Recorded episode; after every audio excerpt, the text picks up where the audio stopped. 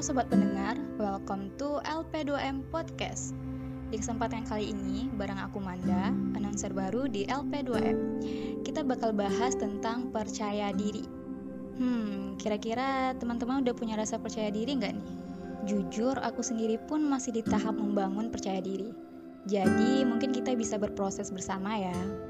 Mungkin dalam kehidupan ini kita udah sering banget mendengar kata percaya diri ini. Benar nggak sih? Pede atau percaya diri ini emang dua kata yang sederhana, tapi makna ini gak main-main loh. Kata ini bisa saja mengubah hal yang kecil, bahkan hal besar sekalipun yang memberikan dampak buat hidup kamu. Buat kamu yang udah pede, wah selamat ya dan terus bangun kepercayaan diri kamu, asal jangan over. But, buat kamu yang masih belum pede, ayo, kamu belum terlambat. Kamu masih punya waktu buat membangun rasa percaya dirimu. Sebelum aku bahas gimana cara menumbuhkan dan membangun rasa percaya diri, kita bahas dulu secara garis besar apa dampak kalau kamu kurang atau nggak punya rasa pede. Yang pertama, kalau kamu kurang percaya diri, kamu akan membatasi diri kamu. Membatasi diri dari apa? Dari hal-hal positif yang mungkin saja itu akan membuat kamu mencapai keberhasilan dalam hidup kamu. Contoh kecilnya aja nih, kayak kamu punya suara bagus banget. Tapi kamu gak pede buat tampil di depan umum. Kalau kamu pede, bukan tidak mungkin kan kamu bisa tampil di event-event musik atau bahkan bisa menjuarai kompetisi menyanyi. Nah, itu kalau kamu pede. Sudahlah suara bagus, pede lagi, kan makin mantap. Coba kalau pedenya kurang atau nggak ada sama sekali. Rugi banget kan kamu punya suara bagus tapi cuma kamu yang dengerin. Yang kedua, Kurang percaya diri membuat kamu tidak mau belajar dan berkembang. Kenapa sih bisa begitu? Karena kurang pede membuat kamu terlalu betah di zona nyaman. Karena di situ kamu merasa sedikit resiko kegagalan. Nah, ini justru akan membuat kamu menjadi orang yang tidak mau belajar. Yang akhirnya akan merusak perkembangan diri kamu dan menolak untuk belajar hal baru. Yang terakhir, kamu jadi tidak pernah mengajukan pertanyaan, mendengarkan, dan menanggapi secara objektif. Kenapa? Karena kamu khawatir nggak akan mengatakan hal yang benar. Kamu takut apa yang kamu katakan itu salah. Padahal, jika kamu memang belum tahu mengenai sesuatu, yang gak masalah kan jika kamu salah. Kurangnya kepercayaan diri akan menghalangi kamu untuk menyuarakan pendapat. Nah, kalau ini terjadi dalam dunia kerja, ini berisiko dapat merusak karir kamu loh. Karena kamu jadi tidak terlihat sehingga sulit mendapatkan promosi, kenaikan gaji, atau tugas khusus. Nah, itu tadi sedikit dari banyaknya dampak kalau kita itu nggak pede. Sekarang kita bahas gimana sih caranya membangun rasa pede itu sendiri. Nah, ini tipsnya. Dengerin baik-baik dan jangan lupa diaplikasiin ya.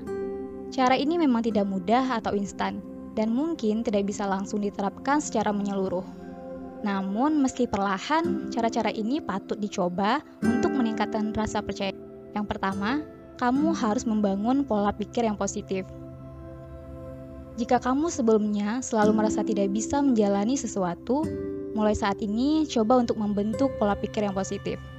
Setiap kamu ragu akan diri kamu, katakan kalau kamu bisa belajar dan melakukan ini jika kamu mau.